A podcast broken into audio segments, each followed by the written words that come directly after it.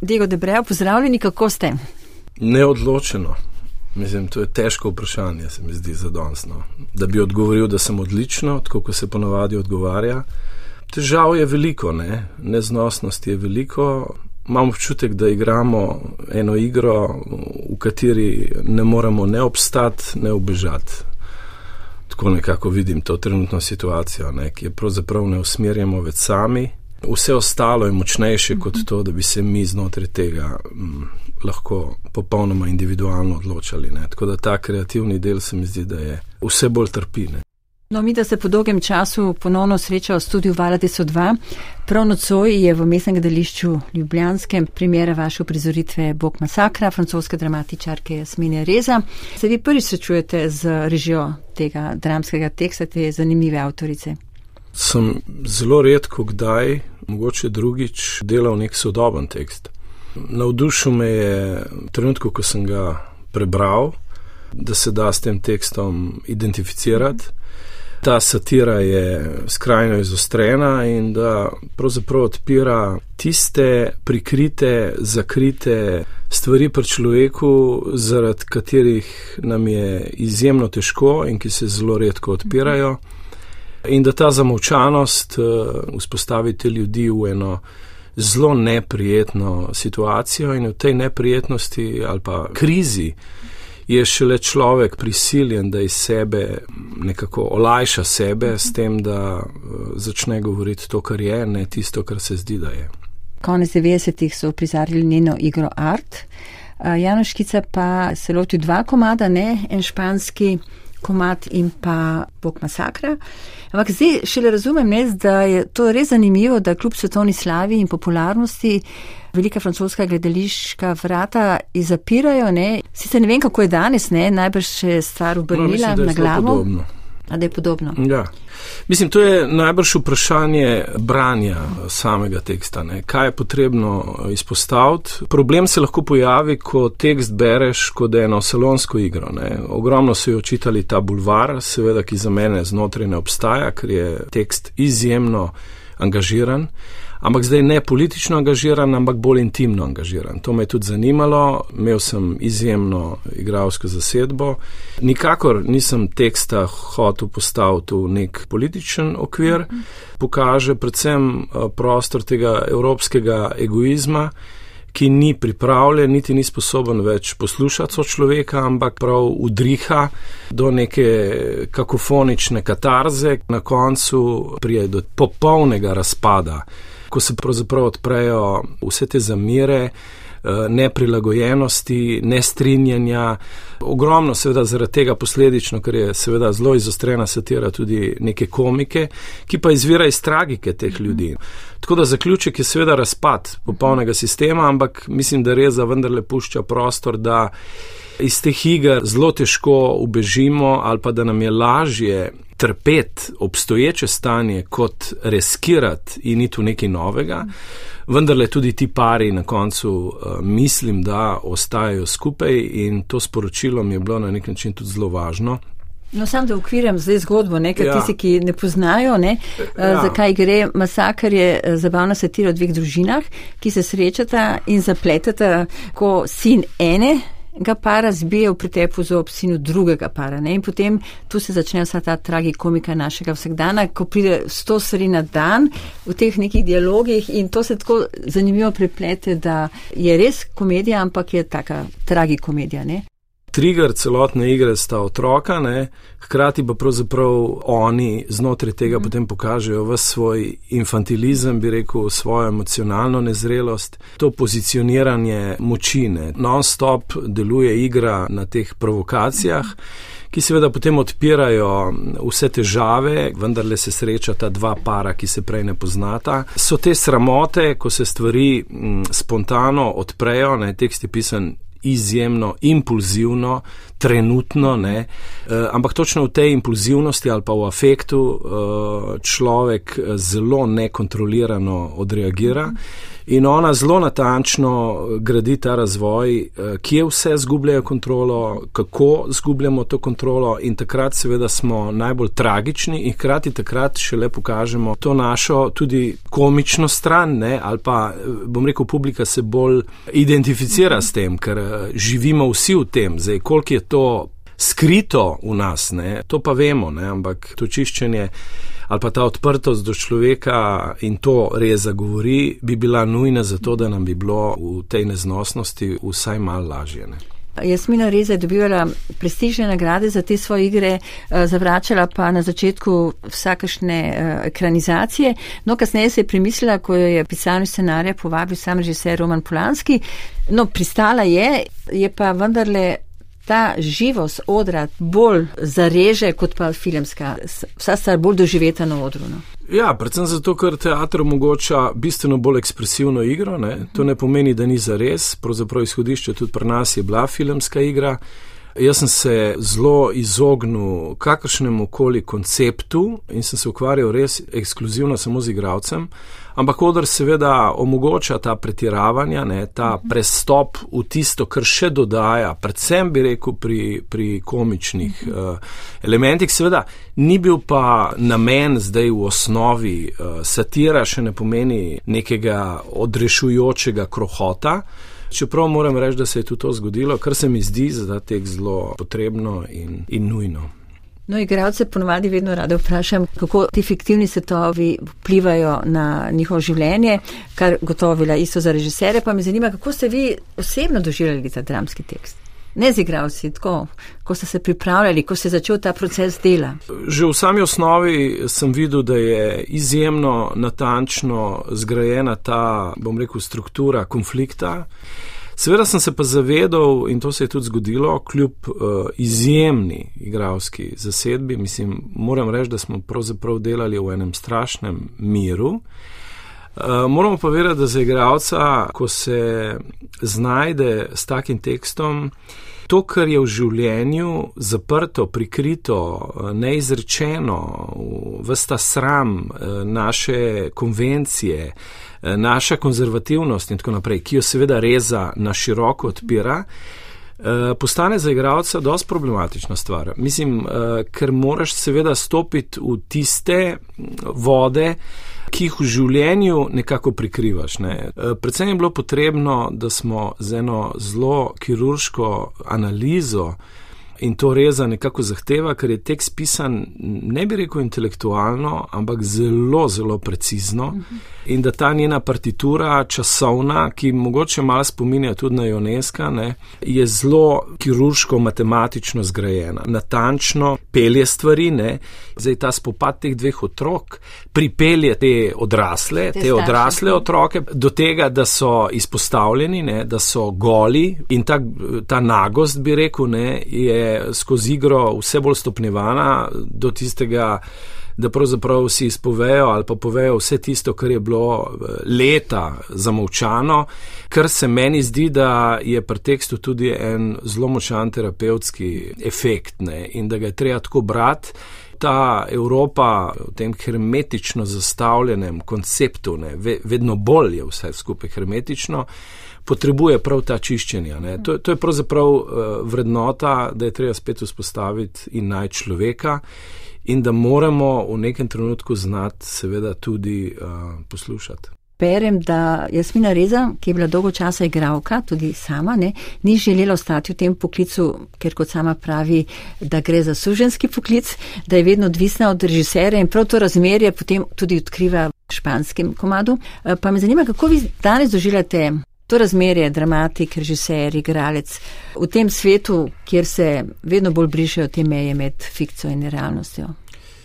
Ja, jaz kot režiser, kljub temu, da so mi veliko krat uh, očitali, da odstopam od teh tekstov, probam jemati stvari vedno z eno vrhunsko pieteto.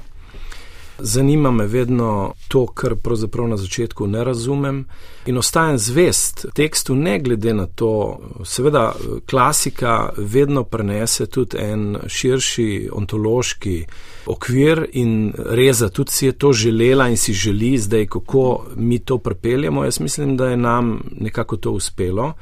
To je zdaj to, a je to klasika ali ni klasika. Ne? Kar se pa tiče igralcev, je pa najbrž stvar režiserja do režiserja. Ne? Jaz mislim, da je še vedno treba ogromno trpeti, da prideš do nekih vrhunskih rezultatov.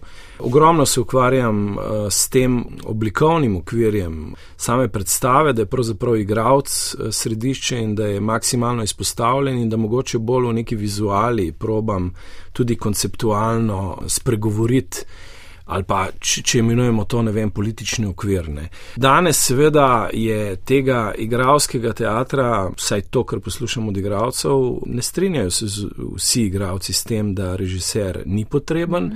Seveda pa vprašanje, kaj ta režiser je. Ne. Tu ne gre za režiserski izmislek, ampak gre predvsem za analizo in pripravo igralca, da se spusti v dano situacijo, ker ta igra je vendarle dosti nevarna, glede na to, da se ukvarjamo predvsem z emocijami in v glavnem ali pa s tujimi mislimi, v katere je treba vstopiti, v katere se je treba transformirati. Jaz seveda ne verjamem v gledališče, kjer igralec prnese samo svojo lastno privatnost to je nekako premalo. Ne? V klasičnih tekstih je to nekako lažje dosežeti te transformacije ali, ali pa so eh, ti prehodi v nekaj bistveno močnejši. Vprašanje je pa, koliko je igralec danes še pripravljen. Igravci eh, so v več medijih ne? in ta fokus danes je bistveno manjši, kot je bil včasih. Tako da je eh, motivacijski prostor eh, bistveno težje vzpostaviti in jaz moram ogromno graditi na kljub temu, da sem že kar nekaj stvari naredil in ogromno delam na tem, da bi jih zmotiviral, da bi vzljubili to slovenski prostor in nagnil k temu, da iščemo slabo. Eh, in v tekstih, in v prevodih. Eh, jaz mislim, da se v vsaki stvari da najti dobro, ne samo to, da je tudi iz slabega možno preoblikovanje v nekaj zelo dobrega. Eh, moram reči, da me bolj zanima v tem trenutku dramski teksti kot neke adaptacije, romani, filmi, v to veliko bežimo. Mislim, da ta čas potrebuje epopeje, velike tekste. Ne? Ampak ne morem mimo komedije, seveda. Ste velik mojster gledališke komedije. Komedije niso bile zdaj pogosto na vašem repertoarju, ampak so pa žgale in celo tokle vse rekorde gledanosti. Tako je bilo s komedijo, ko sem bil mrtev, ne krstna uprizoritev odeske predbe, ki je enako navduševala občinstvo kot kritike. Ne. Pa seveda žirije, kaj ti s to predstavo ste, ne bom zdaj naštevala, bili ste seveda žlahtni režiser dnevo komedije, pa nagrada festivalu Mes v Sarajevu, pa ne vem, Jugoslovansko gledališki festival, pa Užice, pa Mediteranski festival, etc. Mene je navdušila pa tudi vaša čudovita komedija in to je orkester, kjer so se soočale glasbenice, šest jih je bilo, ne in en sam pianist. Izjemni eh, francoski dramatik Jean Anouine. Te osebe, ki se delijo iluzije in da so nekaj, pa da to niso, oziroma kaj so drugi. Ne, ampak ne gre toliko zdaj za predstavo, mene bolj zanima.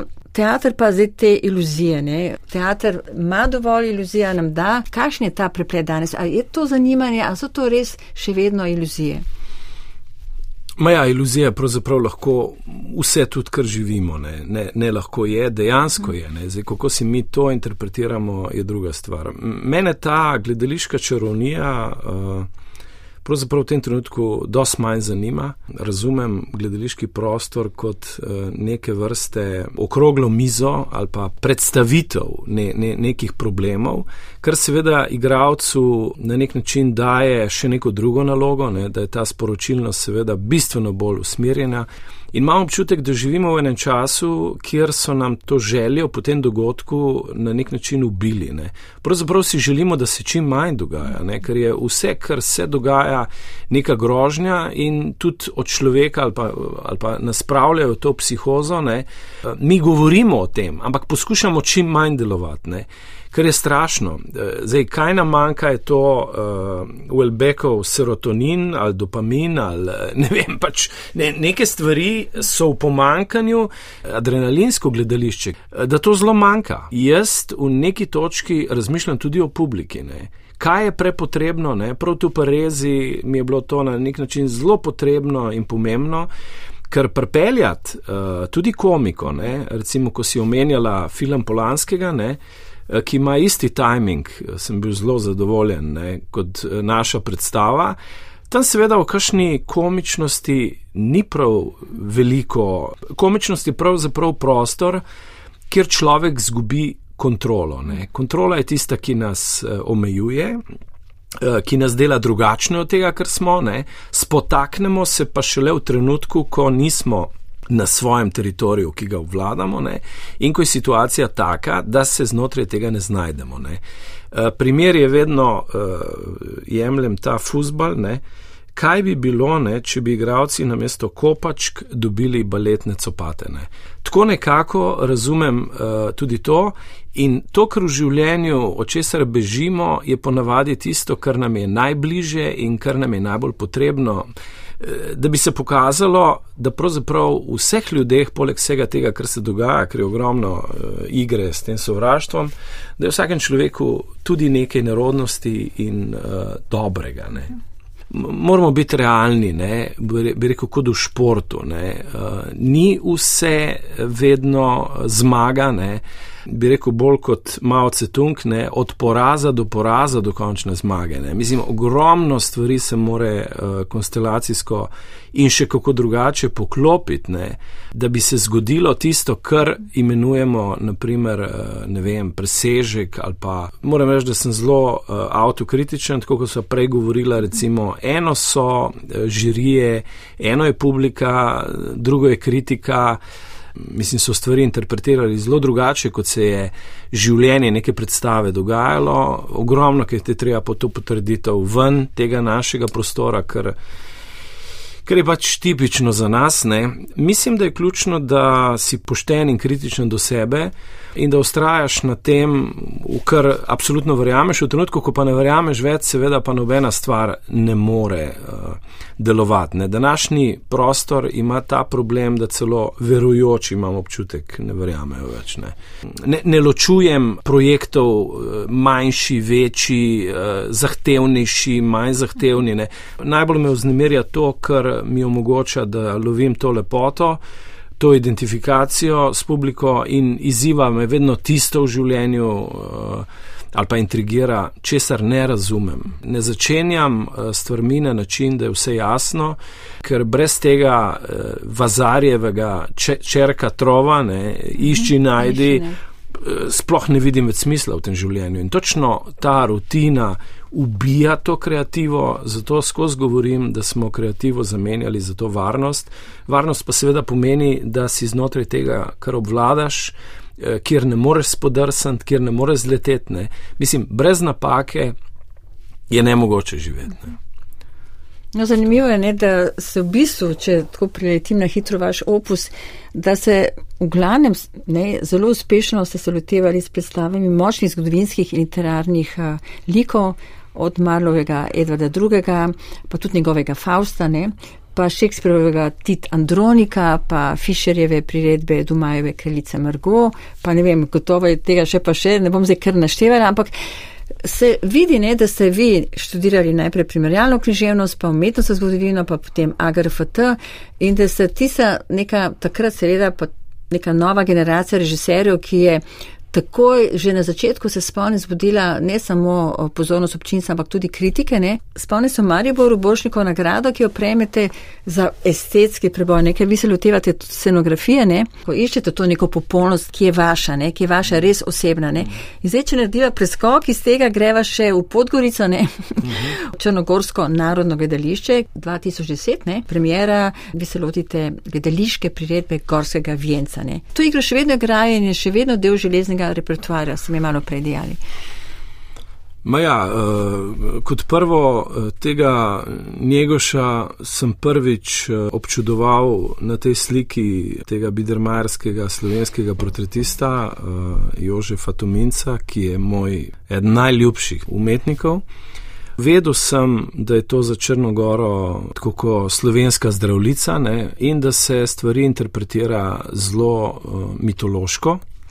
Jaz sem poskusil pa stvar uh, zelo zaostreno ne, prikazati v situaciji, ki jo Gorski venac pravzaprav vzpostavlja. V človeškem razumevanju, kako oni to klasiko svojo berejo, je bilo to, da ta tekst odpira bom rekel, da je danes strašno aktualen, ne, ker odpira pač problem muslimanstva, ne, vsega tistega, kar udira, bom rekel, v nek ta konvencionalen ali pa v ta klasičen krščanski prostor. Ne.